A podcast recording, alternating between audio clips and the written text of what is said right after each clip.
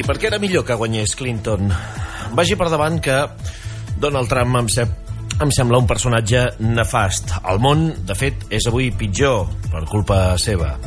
Però compte que la Hillary Clinton representa allò del que ens queixem, l'economia liberal i el lliure mercat, el TTIP, el suport als grans lobbies al voltant de la indústria energètica, tecnològica, audiovisual o especulativa financera.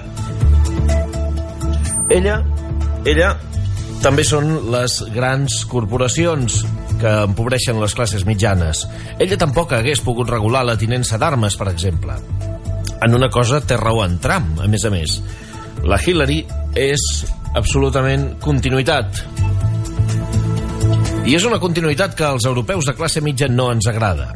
O és que no hem criticat sovint el seu capitalisme o el liberalisme econòmic i les seves conseqüències? El món ha canviat molt i tinc dubtes que sigui a millor. El gap entre rics i pobres cada dia és més gran i coses com l'evolució tecnològica, que, que, que cada dia venerem, tenen un costat fosc que ningú té en compte que la globalització i la part negativa de les seves conseqüències ja no neix a Wall Street, sinó que neix a Silicon Valley. Doncs tot plegat també ho és la Hillary.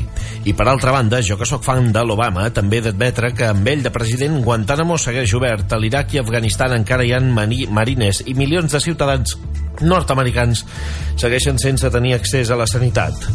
Amb tot això, vull dir que cal fugir dels titulars fets amb tras gruixut. Que Donald Trump és un xenòfob, un masclista, un evasor d'impostos i un llarg, etc. és evident. Però compte, que aquí a casa nostra és fàcil sentir adjectius com moro de merda, sudaca, mariconàs o altres perles. És fàcil anar a les sales d'espera de l'Hospital de Palamós o ambulatoris i queixar-se perquè una família de gitanos fa soroll.